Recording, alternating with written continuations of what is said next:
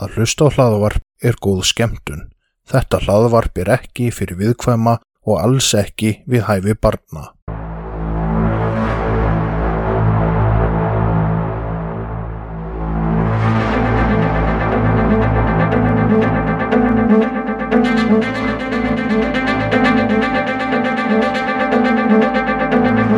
Þetta hlaðvarp er hluti af IK Network. Góða skemmtun. Jæja, komið þið sæl og blessuð og verið velkomin í hvað ætli sé að. Erum við byrjuð? Við erum byrjuð. Ó, ég held að ég fengi að intro. Nei, Veistu hvað ég á núna? hvað? Ég á ostamorðingja vikunar. Ok, þannig við þurfum ekkert að ræða hann neitt í upp af þáttar. Við getum alveg verið með fleiri en einn ostamorðingja, en ég á við ostamorðingja vikunar. Ok, þá ætla ég að leifa þér að segja frá því. Og ekki bara í þessari viku, næstu viku líka. Nú, Já. Ég ákvað að skella í mál sem að er stærra en bara öll önnur mál held ég. ok. Þannig að við verðum bara hendi framhaldsþátt. Já, bara er það ákveði núna. Já, það verður bara seri að tverja því þetta. Ok, hljóma spennandi. Já, af því að þetta er ostamorðmálið mikla sem ég á búin að lofa þér. Nú, Já, og það er svo stórt að það er bara engin leið að fara yfir það á einum þætti. Þetta er eiginlega það stórt máli, ég er búin að vera bara öru hverju först í að rannsaka þetta vikum saman. Það hefur engin að mér vitandi tekið þetta máli helsinni einu sinni. en eigum við ekki bara að byrja á því? Út af því að, sko, spurning dagsins, við erum alltaf að fara endum þáttinn á T12. Er Tito ekki þessum þætti? Já, Ó, ok. og við endum á því. Uh Þannig að það er spurning bara hvort þú viljir ekki byrja. Svo er náttúrulega fasti dagskráliðurinn hvað er binna fylla við. Já, ég og Gústi, við erum bara aftur hérna. Þú þarf hann að hárreita hann sem mikið. Já, út að... Ertu afbríðið sem verður að því hann er með hár? Nei, nei. En sko, náttúrulega hann og nafn hans, sá sem að hann eru, er skýrður í höfuðið á, Já. eru náttúrulega báðir miklir hármenn, hárprúðir, báðir Mhm. tveir og hann Liljendal, Liljendal, já, þannig að hann er bara með flotta hárgreðslu og já, kannski pína afbríði semi. Ef ég væri fröyd, þá gæti ég tólka þessa líkamstöðu þína sem þrá fyrir að hafa rauð skapahár, mögulega. Gústi þarf að sita eitthvað staðar. Já, hann situr á milli fótunar með hárið svona. En Já. ég er ekki að- Nei, Nei. Herðu, já, við ætlum að tala um Marjorie D.L. Armstrong. Af hverju hljómar þetta nafn kunnulega? Herðu, hún er fræg fyrir mál sem að bæði nefnt pizzabomber og the color bomb mál. Já, pizza, ok. Netflix gerði serið um þetta. Ég talaði, nei, ég talaði ekki um þetta. Ég skrifaði um þetta í einhver pistil sem ég gerði á illverka því að á tímabili var ég að taka svona saman sjónvarsefni í COVID, mm. trúkræm sjónvarsefni. Ég held ég að vera að tala um þetta þar. Og það hafa margir tekið pizzabombmálið. En það sem er svo skrítið við þetta er að það taka allir bara það mál. Það er svo stórt mál. En það var svo mikið, mikið meira þarna sem hefur ekkert verið að tala um. Ok, er margt sem er undir niður í því máli? Það er bara toppurinn á ísjaganum. Ó, ok. Já, já, já. Já, það var vind okkur í. Já, herðu, hún, Marjorie D.L. var engabann hjónana Harold D.L. og Agnesar Wolvenden D.L. Volvendendi. Wolvenden D.L. Já, þetta er rétt sagt hjá mér, hættu. Hey. En fóreldrarnar gengu í hjónaband 22. ágúst árið 1942. Agnes móðurinnar var engabann líka, þannig að Marjorie hlaut mikla aðtigli í æsku. Hún ólst upp í húsi þar sem að garðurinn, bakgarðurinn hennar snýri að húsi eða bakgarðið húsins hjá ömmun og afa. Þannig að hún hljóp mikið þar yfir. Og verandi engabann og engabannabann þá fekk hún rosalega mikla aðtegli sem hún sóttist svolítið í allt sitt líf. En hún fættist þess að 27. februar 1949 í Erie, Pennsylvania, vandaríkunum. Og hún bjó allt sitt líf í Erie. Hún var nefnd Evil Genius, þættirnir á Netflix hétu Evil Genius. Og það er alltaf talað um hana sem Genius, en hún er snillingur að eiginsögn. Og þess vegna hefur hún verið kölluð Evil Genius en hún er líka sjúklegur lígari sem sagt pathological liar. En hún lígur svo mikið að það er sjúklegt. Að eiginsögn þá var hún náttúrulega efst í bekknum í skóla. Hún byrjaði að læra á píano fjagra ára og var undrabann á píano hún var farin að kenna á píano 12 ára.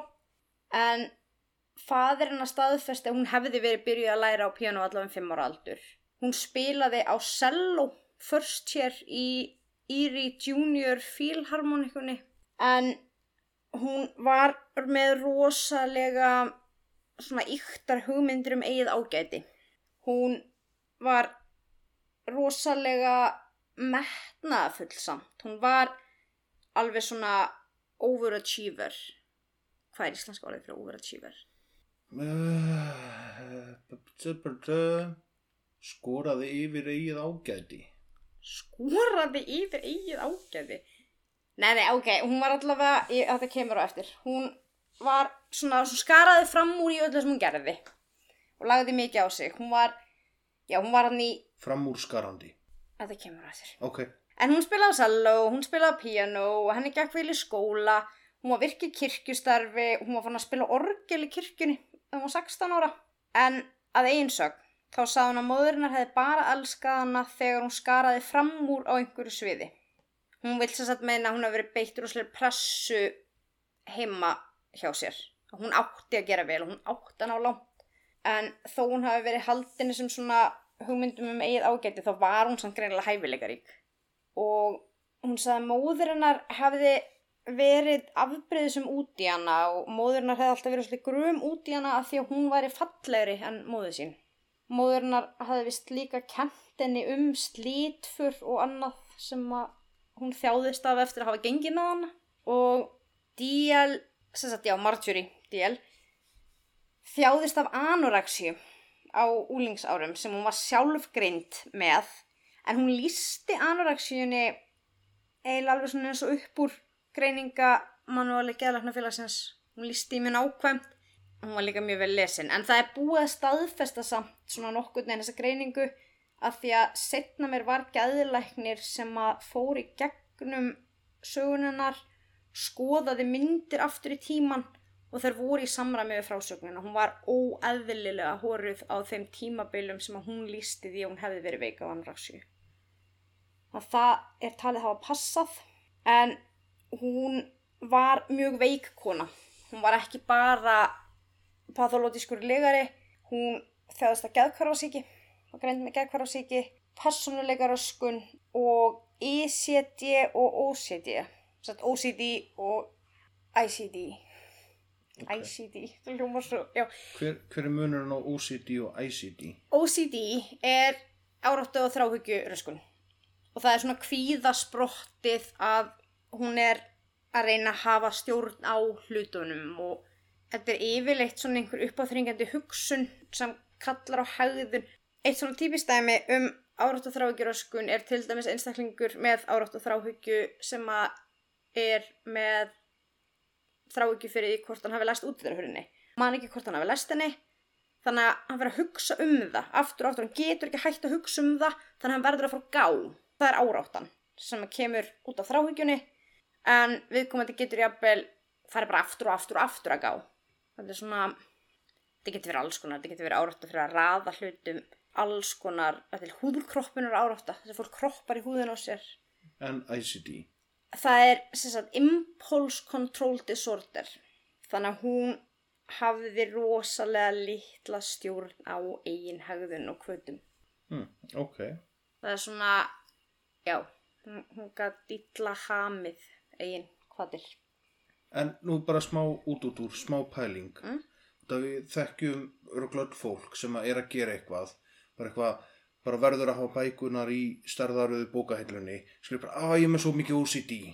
Er Það- það, alveg, skilur, þú, þú hefur alveg heyrt fólk segja þetta með furðulega hluti. Bara nú er ég að pæla, eins og bara þú kemur hérna og ég var að raða öllum bókunum í stafrósröðu eða stærðaröðu eða eitthvað. Væri það þá OCD? þú ert náttúrulega meðbyllandi OCD og Nei, þú raðar bókum í raðir ekki stærðaröð. Nei, eftir höfundum, Já, eftir útgáfur eða ekki nei. Bara Harry Potter. bara Harry Potter ok sko, þetta er svona svolítið eins og þegar maður hittir einhvern sem segir Æ, fyrir gefðu, ég vaknaði bara með svo mikinn aðtiklisbrest í dag. Nei, þú vaknaði ekki með aðtiklisbrest í dag og ert ekki með hann á morgun. Þú ert utan við þig.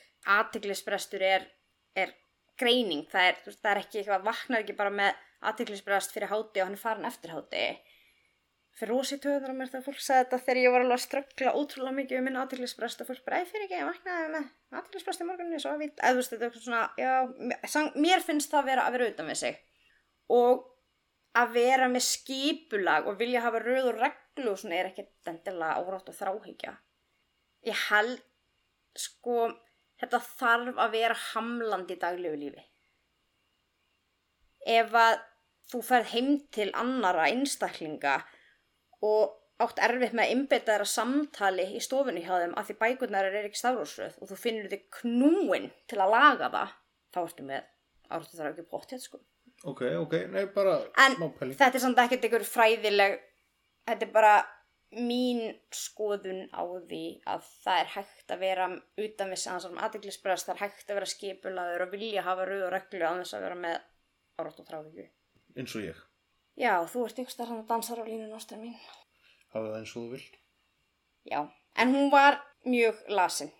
En henni tók samt að klára háskólanám í félagsfræði og að eigin sögn útskrifaðust hún með hæstu engun og var valedictorian, það er dúks, eða ekki? Ef það er útskrifast með hæðstu meðalengun, þá er það dúks. Já, ég held að valedictorian sé svona sama og, og dúks hjá okkur. En hún útskrifaðist, já, og saðist það verið fyrsta manneskjan til að ljúka þessu fjagur ára námi á þrem árum og dúksa. En samkvæmt einhverjum heimildum sem hafa fundist þá var hún með 12 hæstu einhvern.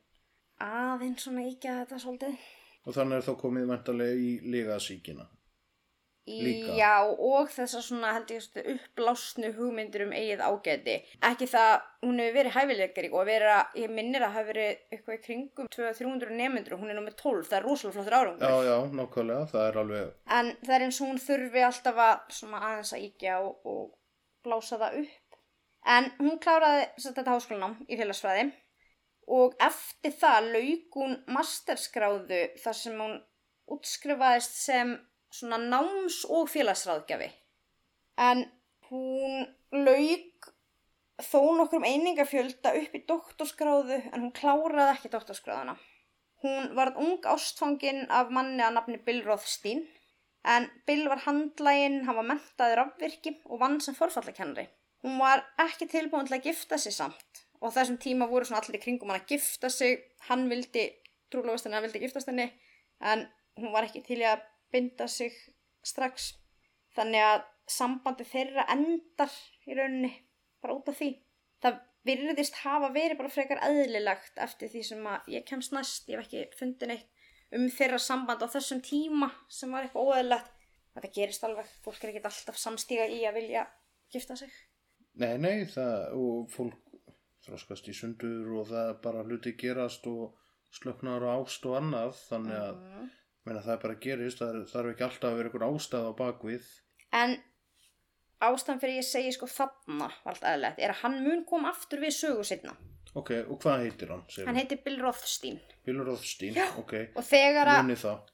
Nei, hann kemur aftur þessu bara í næsta þætti og þá bara rifja ég upp að hann hafi komið fyrir þarna. En hún reyndi ítrekað að fá starf hjá skólasviði í Íri. En henni var alltaf hafnað. Fekk aldrei vinnu. Hún langaði að starfa sem ráðgjafi í skólanum, námsráðgjafi og svona. Móðurinnar hafði verið kennari en hún var á þessum tíma orðin mjög hátt sett í skólakerfinu í bænum. Móður hennar. Já, og hún taldi sjálf að hún hafi ekki fengið vinnu út af móðurinnar. Það hefði verið móðurinnar sem hefði stoppað það. Hún hóf sambúð og bjó í einhver tíma á þessu tímabili með manni sem hétt Robert Thomas. En eftir hún hafi slitið samvistum við Bill Rothstein þá hafði hún kynst honum og þegar hún kynntist Robert Thomas þá var hann fráskilinn frá eiginkonu sinni en hún var að saka hann um að hafa beitt sig heimilisofbeldi. Þannig að var eitthvað svona slæmu skilnaður milli hans og fyrirverandi þar sem að hann var sakaður um að vera ofbeldismadur og þarna ákveður hún að byrja að deyta hann og þau fara að búa saman. Hann verist það að veri sko skilin að borða á sæng en ég held að lögskilnaður hafi ekki verið komin að þetta var í ykkur um svona deilum. Þetta var eitthvað frekar ljótu skilnaður. Þau byggu sem saman og voru bæði mjög andlega veik en sambúð þeirra endaði snögglega þann 30. júli árið 1984 en þá skautur hann til bana. Hann lág á sófanum og hafði verið skotinn sex sinnum þegar lauruglan kom að garði. Þegar laurugluna bar að garði. Það Já. var ekki þáttunum. Nei því þættirnir gerast ekki fyrir en í kringum 2000. Já, Við erum þarna 1984. ok. Byrju, en af hverju skautun hann sexinum? Það kom ekki fram en ég á eftir að segja meira frá þessu. Ok, er ég komin of langt og undan? Já, þú voru að vera aðeins þólimóðari við mig. Ok, En það gerist það 30. júli og hún skýtur hann til bana. Lauruglan kemur á vettvang og allt svo leiðis en þarna þremdögum setna, eða þann annan ágúst 1984, þá snýr lauruglan aftur á vettvang glæpsins og fer að kanna betur aðstæður og nágrannar Marjorie urðu fyrir svona nettu áfalli þegar að yfirvöld fóru að rýma húsið hennar. Af því að Marjorie var nefnilega líka horter, þannig að hún var með söpnunar áráttu. og hvað var í húsinu? Í litlu 62 fermetra húsi sem hún Marjorie D.L. bjó í, hafði hún sapnað að sér öllu mögulegu og ómögulegu og drasli fyllti húsi frá kjallar upp á háaloft. Íbúðin var óíbúðar hæf. Byrju, var kjallari og háaloft? og 62 fermetra Já, já, þannig að, og það var allt fullt. já, já, þannig að þetta hefur þá verið 62 sinu 3, basically. Ég veit það náttúrulega ekki að því að háalótti var það yfir öllu húsinu, var það yfir hlutahúsinu, hversu stór var kjallarinn. En það, hún var búin að fylla þetta hús bara. Og þegar ég kem aðeins lengra, þá held ég að skipti yngum áli hversu margir fermetrar það voru, sko. Því að yfirvöld hófu að gera lista yfir eignirnarinnar og fóru bara að skrásetja hvað er á vettvangi glepsins. Og þetta voru fleiri, fleiri blaðsýður. Og meðan þess sem var talið fram var að í einu herbygginu voru engin húsgögn. Og það voru um það byl 600 výrherðatrí á gólfinu. Og ofan á þeim er síðan hrúa af fötum. Það voru hrúa, það voru ótal bækur og tímarit. Það voru tímarit tengt hernaði, svona stríðsblöð, Soldiers of Fortune og Eagle Warriors og eitthvað svona álíka. Það voru ljósitt af fræðigreinum um geðsjúkdóma og bara víð og dreif um allt húsið. Þannig að hún virðist hafa lesið sér mikið til og virðist hafa haft mikla þekkingu á eigin geðsjúkdómum. Hún var líka búin að klippa svona úrklippur og dagblöðum og geymdi til dæmis fréttir á manni sem hafi verið sakfældu fyrir morðtilrun árun og áður. Veit ekki af hverju, en hún var að klippa þetta út og geima. Ég get samt mögulega sagt þér það setna hvað það var. En það fór ekkert mikið fyrir þessu dóti að því að megnið af því sem að hún hafi sankað að sér var matur og hún hafi sankað að sér hvorki meirinni minna en 329 kílóum af osti. Nei! Jú, 329 kílóum af osti sem henni hafði ljáðst að setja í kæli. Nei! Jú, Hvernig ostur? ég, það var ekki þetta voru 329 kíló osti sem var að rotna við 30, upp í 35 stað hita heima henni. Við erum að tala um þetta námundast upp í hálft tonn. Vá, Það var námundar í hálfum tonnum. vá. En það var nú ekki allt. Maturinn á heimili Marjorie var talin vera andverði cirka 10.000 dollara þá sem að samsvaraði í rauninni 23.000 dollarum árið 2016 en 23.000 dollarar á núverandi gengi sem kringu 3 miljónir. Sæl.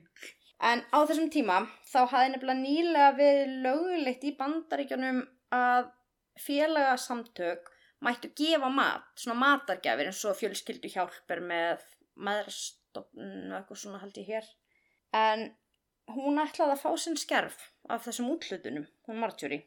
Þannig að hún fór fyrir sjálfan sig og laug, náttúrulega, saðist eiga þrjú börn í eitthvað skipti átt hún 7, 8 og 10 ára börn og hún fór með miða frá vinum og ættingum um að hún var að sækja mat fyrir þau sem hún alltaf bjó bara til þess að miða sjálf en hún var ekki bara með svona mikið osti því þarna voru líka 180 kíló af smjöri Ok, hvað, já. hún hafði sagt það í kæli En af hverju ekki ostin? ég veit ekki, hún myrti Brynjar Örn bara 329 kíló osti sem hún let bara rotna og gerði ekkert til björgunum Umingi osturinn. heldur þú að fá martraðari nót ég held að vera að standa upp og fara Ég er ekki langt frá því, sko. Vá, hvað ég vildi að það væri myndavel á þér svo getum sínt hlustendum hvað þú ert sár. Já, hlæð þú. Æ, fyrir ekki að þau. Ég lofaði þér ostamorði bara á, ég lofaði þér bara því ostamorðinu og ég er að standa við það. Já, fyrir má nú vera. Mm -hmm. En sko, ostamónungja mínir, þeir skera ostin illa. Þeir myrðan ekki alveg með því að bara láta svona mikla og rótna bara eitthvað starf upp á borðum. Nei, en þú kallar þá kaldrifjaða ostamorðingja, þannig að hvað finnst þér núna um hana Marjorie? Sko, já, ég veit ekki hvernig ég á að lýsa þessu, sko. Að þessi, við sem að ég nefndi eru veskjað þjófar á meðan Marjorie er samlíktul. Ég held að myndi segja verskja þjóður og bankaræningi. Nei, Ok, þetta er miklu verra. en hún var náttúrulega frægust fyrir það. Að myrða ostin. Nei, the pizza bomber málið. Það var náttúrulega bankarænsmál. Já, og ég, hún er frægust núna í mínum huga fyrir ostin.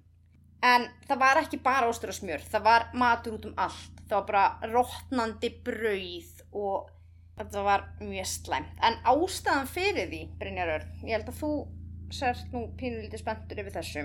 Ástæðan fyrir því að hún átti svona rosalegt magn af osti og smjöri líklega líka var að þegar að samsagt Regan setti fram frumvarp sem að átti að tryggja framfæslu búabænda, rekna ég með, það var sett sem sagt upp ákveð verð fyrir ost og smjör. Ég veit ekki hvort ég er að fara alveg rétt með þetta, ég náði ekki alveg að kynna mér þetta það vel, en þetta var sett upp þannig að þau áttu að fá ákveð mikið verð fyrir ostin. En síðan endaði með að það voru engir að borga þetta verð, þannig að ríkið þurfti að kaupa rúslega mikið á osti. Þetta var til að gera svona samkeppni, eitthvað slegis. En í desember árið 1981 þá var osturinn sem að ríkið satt uppi með voru 560 miljónir punta af osti. Í hvað ástandi var sá ostur? Herðu, það voru hérna þrjú pund sem voru illa farni, það stendur ekki hér. En sko, ég nefndi ekki alveg að umreikna 560 miljón pund en þetta er svona cirka diltis í tvönd. Ok. Þetta voru meira en 2 pund af osti fyrir hverja einustu manneski bandaríkunum. Að það er bara kíló ost á mann. Öll bandaríkin brinnar. Já, eins gott ég held fyrir eirun og Gústa. Þetta er freyrun og gústa. Já, hann má ekki heyra svona ljótt. Þessi ostu var ekkert skemmast. Nei, ég er bara, ég vil ekki að hann heyri þetta. Heyru um allan ostin. Sem er verið að, að skemmast og svo. Það var ekkert að skemma, þetta fór í matargjafir til fólk sem að bæntanlega eitthvað að þið borðaði ostin.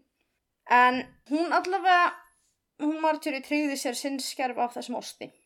Íbúðin enna Marjorie á þessum tíma var náttúrulega bara orðin hlaðborð fyrir róttur sem að lifið þar í vellestingum. Új, bara. Já, Og það er með því ógeðslegast. Sko. já, og yfirvöld, það þurfti sko fá bara ruslabíl, bara svo stóran, til að koma á svæðið og þetta farga fjórum tonnum af matvælum úr íbúðinni, úr húsinu. Vá, Fjögur tonnum.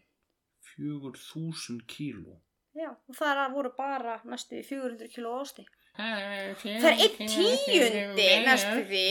Næstu einn tíund af þessum fjórum tonnum var ostur. En fjögur þúsund kíló. Já, á Þetta er mat. ekkert smá magn. Nei. Manstu þú varst að spurja um munin eitthvað svona OCD og að vera bara svona skipulaður þegar þú segir að ég sé horter af því að ég á þrem skópurum og mikið hún er horter að eiga dót það er ekki að vera horter En hvað heitir það þá að eiga rosalega mikið dót? en ekki vera eins og hún. ef að dótið kemst fyrir í skúfum og skápum Já.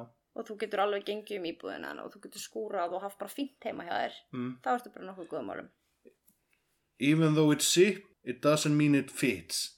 ég er ekki buksum með reyna lásan ég tekið ekki til mín en hérna En þótt að þú getur loka skápnum en þegar þú opnar aftur og hrinur allt úr honum, passar það, skilur, kemst er það þá fyrir ég Bart í... Simpson Já, skilur, passar það þá í skápin eða passar það ekki í skápin?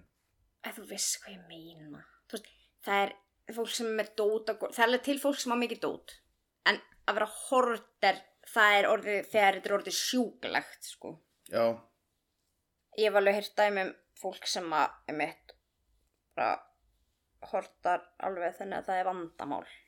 En hérna já, þessi fjögur tónar matvælum hafa klárlega verið eitthvað vandamál.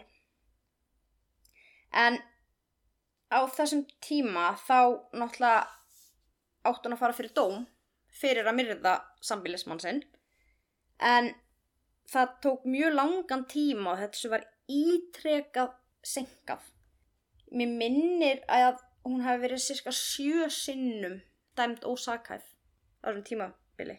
Þannig að þú veist það var alltaf þessi óvissa um hvort hún væri hæf og það var alltaf verið að segja hún væri það ekki en svo endanum þá var ákveð hún væri sakhæf. Mér finnst það mjög fyrðulegt svona með að við eftir ég fór að kynast henni betur en hún var samt síknuð af morðinu ástafa. það var sama og við rættum í John Wayne Bobbitt þættunum Battered Woman Syndrome Ah, ok. þannig að þetta var sjálfsvörn vegna heimilisofbeldis og hún veðist alveg að hafa orðið fyrir það er alveg líklegt hún hafi orðið fyrir heimilisofbeldi af því að þegar hann var hann að skilja áður þá var fyrirvændi konan hans að skilja við hann ásakaðan um að hafa beitt sér ofbeldi þau voru bæði mjög lasin og það voru vitt alveg tölum þau hefði alveg slegist og það var rosa svona það var rosalega óheilbreykt hann líka bjó með henni í þessu húsi í ostinum það hefur eitthvað ekki verið alveg eins og átt að vera sko en lögfræðingurinn Hvernig alltaf líktin hafi verið hann fyrir utan?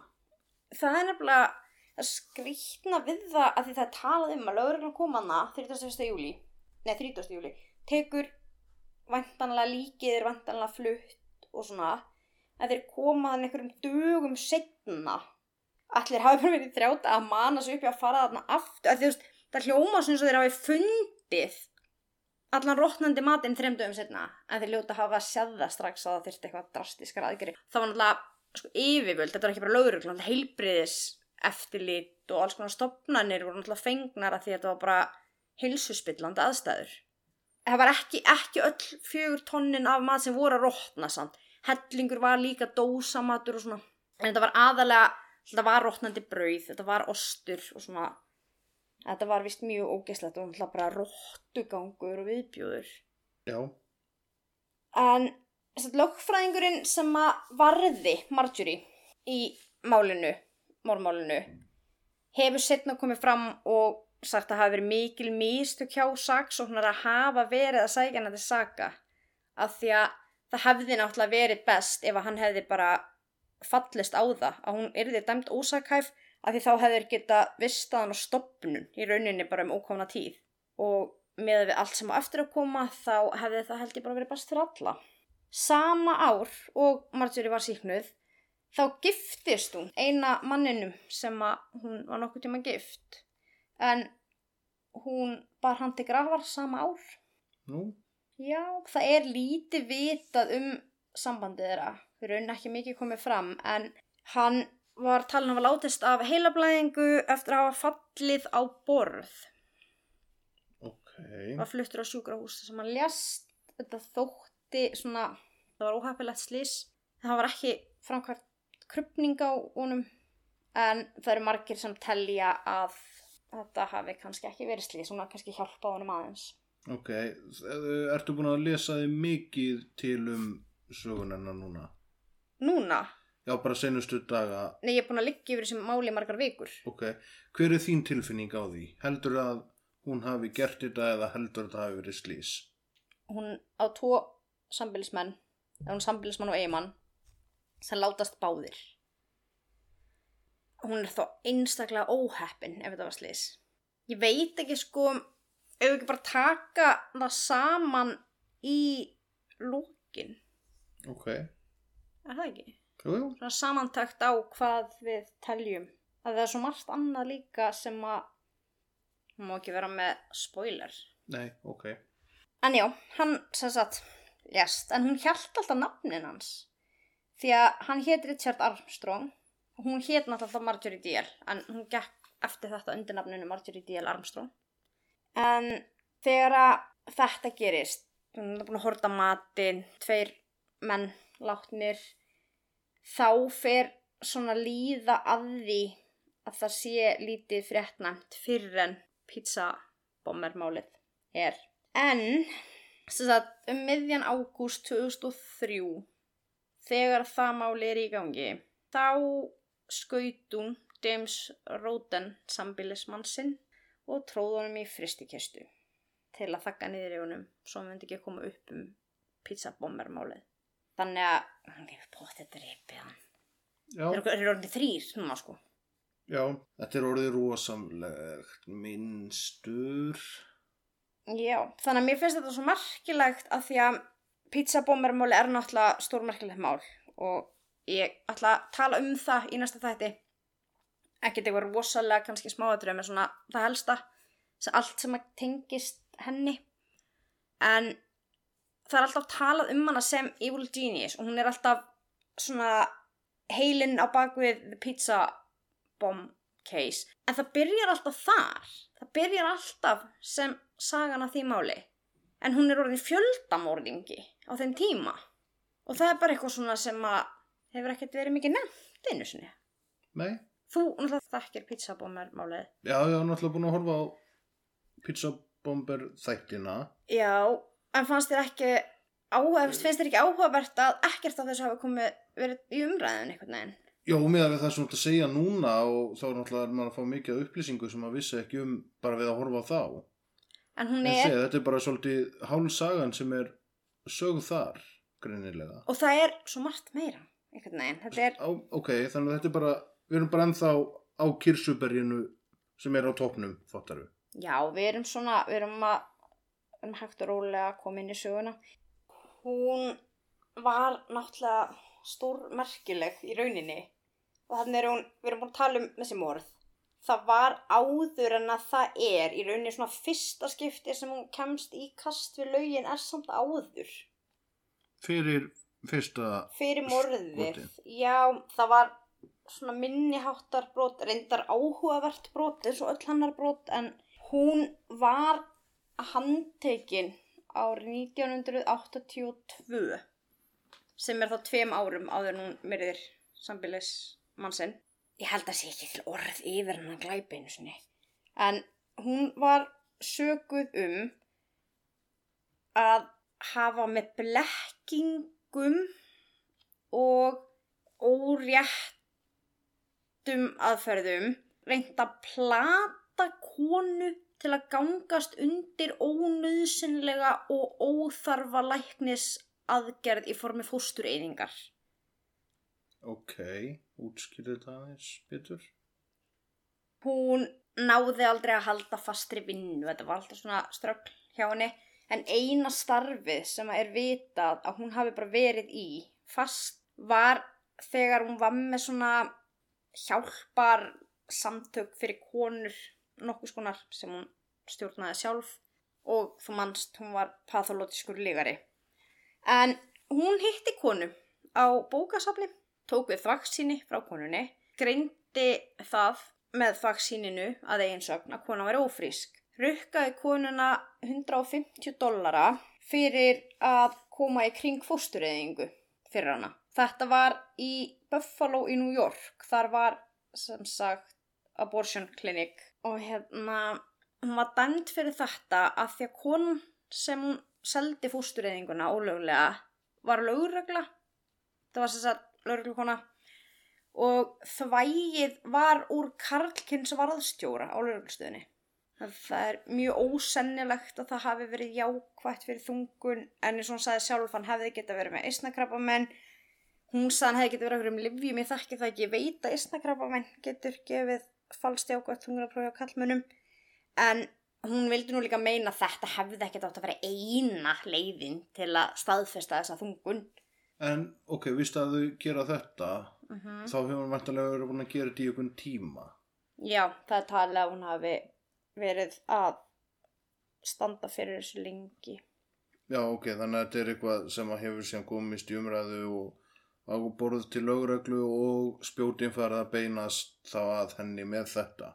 Já, það er líklegt, en hún er náttúrulega rosalega lígin og það er svona erfitt einhvern veginn að átta sig á hverju hún segir satt af því að hún var líka með einkenni af geðkvarðarsíki sem heitir pressured speech og hún er, talar, hún er rosalega aggressív og hún bara svona ælir út úr sér bara romsum af upplýsingum, hún rosalega orðuljót og svona líka pathológiskur legari þannig að það er rosalega erfitt að átta sá samræmi.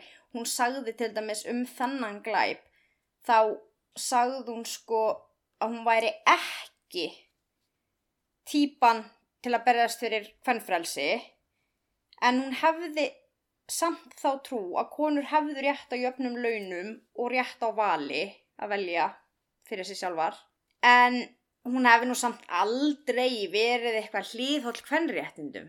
Hún segist vera svona gamaltags típa og hún vilji láta koma fram við sig eins og dömu og í einhverjum skilningi hafa sumir jafnvel vilja meina að hún hafi myrt lífsföru nauta sína af því að þeirra ekki komið fram við hann eins og dömu.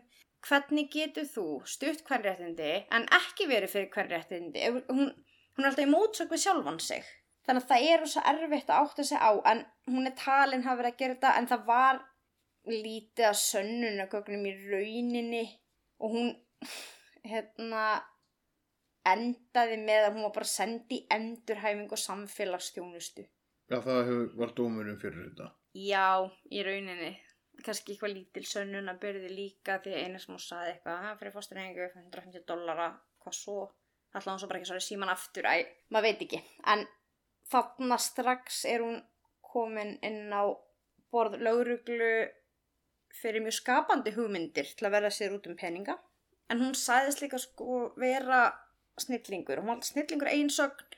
Ég leitaði og ég leitaði og ég leitaði og ég finn hvergi hún að við nokkuð tíma að vera grindaprófi. En samt er hún eins og, eins og The Night Stalker, þá er hún Evil Genius. Það er hennar. Já, já. En það er engin, ég finn enga sönnum fyrir hún hafi verið Genius. Hún er greinlega alveg verið klár á mörgu leiti en eina sem ég fann var ykkur um réttarhaldaferli hann að þá neita hún að ganga stundi grindapróf að hún sagði að það væri alveg vel vitað, hún væri snillingur og það þurfti ekki að aðtóða. Já, ok. En hún neita að taka grindaprófi. Já, Þannig að maður spyr sig hvort hún vildi ekki að kæmi út, hvað kæmi út úr því eða ég... já. Nú, Það er samt svo forvittnilegt að vita hvað hefði komið út úr því. Veistu hvað, ég leitaði lengi að grindavísi tölu Marjorie D.L. Armstrong. 34 mínútur og 28 sekundur. Nei, ég leitaði dögum saman öðru hverju sko. Ég er búin að leita klukkutíma saman. Þannig að ef að einhver hlustandi hefur minnstu hugmynd um að það hafi einhver tíman farið fram raunveruleg greindamlega það sé til mælanleg greindavísitala á Marjorie D.L. Armstrong þá var ég mjög til að vita það. Eitthvað við þetta bæta? Áður en við förum í TikTok þá. Já, Já, er ekki bara fólk hlusta næsta þátt af því að ég er alveg búin að grafa upp slatta um Marjorie D.L. Armstrong sem geti komið skemmtilega orð til viðbútt. Þannig að þá kannski förum við aðeins yfir pizzabombermálið og allt hitt fókt upp shitið. því að það er mikið að fókt og sipti greinilega í kringum þessa ágætu konu. Já, við getum orðað þannig að hún var ekki eins og fólk hefur lest. Þannig að TikTok, bring it on!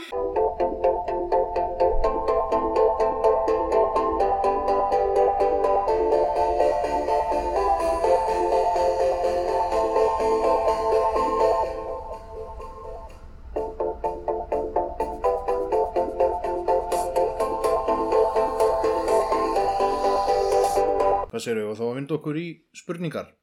Já, Ok, herðu, ein ganga í skítugu narjum af öðrum í heilan dag eða bursta tennunar með notuðum tambursta þrísvarsinnum. hvað ætla sé að þessum einstaklingi?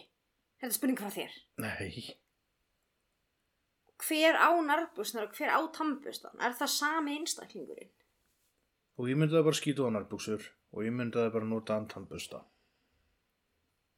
Skítuðar nærbuksur og ég var bara með stærsta dömubindi heimi. Ok, er þú með blæti? Er ég með blæti? Vá, örgulega mörg sko. Með blæti fyrir gleðistund. Alltaf sé ekki verið að meina samt eitthvað kynferðislegt blæti. Mjög líklega. Vá, ég er bara blank. Ekkur starir þessu námi? Ég er bara verið að býða til svari. Hver er ég með blæti fyrir? Gef mér vísbendingu. Þú þekkir þetta. Þú er með blæti fyrir gleðigötum. Nei, Ok, en þú veist ekki um einhver blæti. ég veit það ekki. Nei, ég mitt eftir ekkert í hug núna, en kannski bara skegga eða eitthvað, ég veit það ekki. Ok. Herðu, svo er spurning um af hverju ákvaðstu að skrifa um heilabilun í BS? Byrjaði nú, Og býtu fyrir ekki, það kemur þetta svigi, hefði svo mikið giskað á að þú myndir velja eitthvað glæpa tengt þar. það er náttúrulega kannski ekki mikið glæpatengt í bóða Íslandi fyrir BS nema held ég.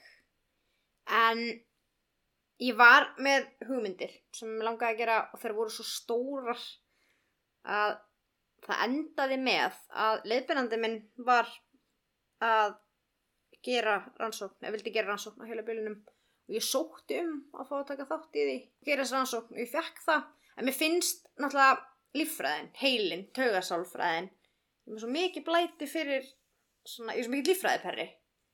Þannig að það verður bara það. Það er blæti, er það ekki? Hvað varstu gömul þegar þú byrjaðar að hafa áhuga á trúkræm? En ég byrjaði að tala af því að þegar ég var krakki þá var ég alltaf að stelast fram á kvöldinu eftir að vera að sofa að mamma og pappa voru að horfa á sönnislega sagamál þá var ég alltaf að stelast svona alltaf að kíkja á það og þegar ég var líka bara úlingur þá var svona í DFF alltaf það kom alltaf svona eitthvað sagamál svona heil blaðsíða og ég var alltaf að lesa það þannig að ég veit ekki, sen ég mann eftir mig bara Næsta spurning, hefur hugsað um að fara í ferð til Ameríku þar sem aður heimsækir mismöndi staði sem glæpir hafa átt sér stað? já, Ok, hvaða stað myndir þú helst fara á? Ég myndi náttúrulega vilja fara á slóðir campers. Þannig að Santa Cruz væri... Þannig að geti ég tekið bæði slóðunar hjá camper og honum... Mullin. Mullin, já. En ég hef samt ekkert hugsað um þetta eitthvað rosalega mikið þannig. En ég myndi vilja fara til Santa Cruz. Er ykkur að fara að sponsa það eða? Ég veit það ekki. Ef einhver vil sponsa einhver svona trip, þá skal ég alveg fara. Ok, þannig að þú hefur hugsað um þetta. Nei, ég hef ekkert hugsað um það þannig en ég, það væri gaman. Ok. Hvor er meira sexy, Inga eða Brynjar? Ég veit það ekki. Þeir eru bæðið svo falleg. Ég held að þetta sé, ég held að þetta sé jafntefni annars. Ok, vel bjargað. Costa del Sol eða Costa Blanca? Já. Costa Blanca er, það rúþýtti það sem kópasker? Það geti nú verið spennandi. Nei, ég veit það ekki. Segjum bara Costa del Sol. Ok. Hver er fyrsti drikkurinn sem Telma fær sér þegar hún keirir sér í ganga á heiðskýru föstudagskvöldi? Það eru svo mörg ár síðan Telma hefur kyrt sig í ganga á heiskýru fyrstafskvöldi. En já, það fyrir eftir ástíð. Það er jólatúborg ef það er um jólaleiti. Núna er ég búin að vera að vinna svolítið mikið með löf. Ég veit, þetta sé ekki ég kaldur. Ég, Ok. Eh, Hvort myndur þú fyllir í með 0% bjór eða vegan fræðsla já, hjá samfylkingunni? 0% bjór eða veganfræðslega hjá samfélkingunni. Já, 0% bjór. ok. Gungutúr eða hjólur eða túr? Ég er að vinna með göngutúra núna en það er útrúlega gaman að hjóla. Er bara að segja hjólræðatúr. Ok. Livrapilsa eða blóðmör? Alex. bara spurning. Ok, þetta er mjög líklega alveg fyrir minn. Um, af tvennu ídlu þá var það livrapilsa. Ok. Ertu á Tinder? Nei, ég er gift, þannig að... Nei, ég er ekki á Tinder. Ég hef aldrei verið á Tinder. Nei, ok. Herðu, og þá hefur að vinda okkur í seinustu spurninguna. Er þetta svona save the best for last? Nei, þetta er bara seinustu spurningin. Ég er þetta bara réttir röð. Já, bara svona, já, þetta er að stikla á stóru. Það var svo mikið af spurningum. Það er að taka bara, Getum við ekki tekið bara allar? við, við höfum ekki allan daginn. Það ætti fólk bara að hlusta, hann er ekki. Nei, ok, ok. Nei. Tökum helstu þá. Herðu, Já. seinasta spurningin er hver er tilgangur lífsins? Hver er tilgangur lífsins? Ekki 42? Nei. Hitchhiker's Guide to the Galaxy. Já, Svara við öllu. Um, hver er tilgangur lífsins? Tilgangur lífsins er að gera það sem gerir mann hamingju saman, held ég bara. fullkomi loka orðtelma. Mm er svo væmið. Mér er verið pínu flökust af þessu. Af, af títólk? Af væmninni. Já, Þetta var svo væmi, ég fekk svona pínu alltaf þessu upp í mig. já, já, já. En ok, herðu, þá bara kvörlum við góðu títólk lokið. Já. Svo er, já, geðveikur þáttur í næstu viku. Frábær framhald. Ég er ennþá að researcha og grafa upp hluti um þessa mannesku. Þannig að ég held að ég margt eftir að koma óvart í viðbútt. Já, Þetta er mögnu manneskja. en í næstu viku. Fylgis með. Takk fyrir og bless. Takk fyrir okkur.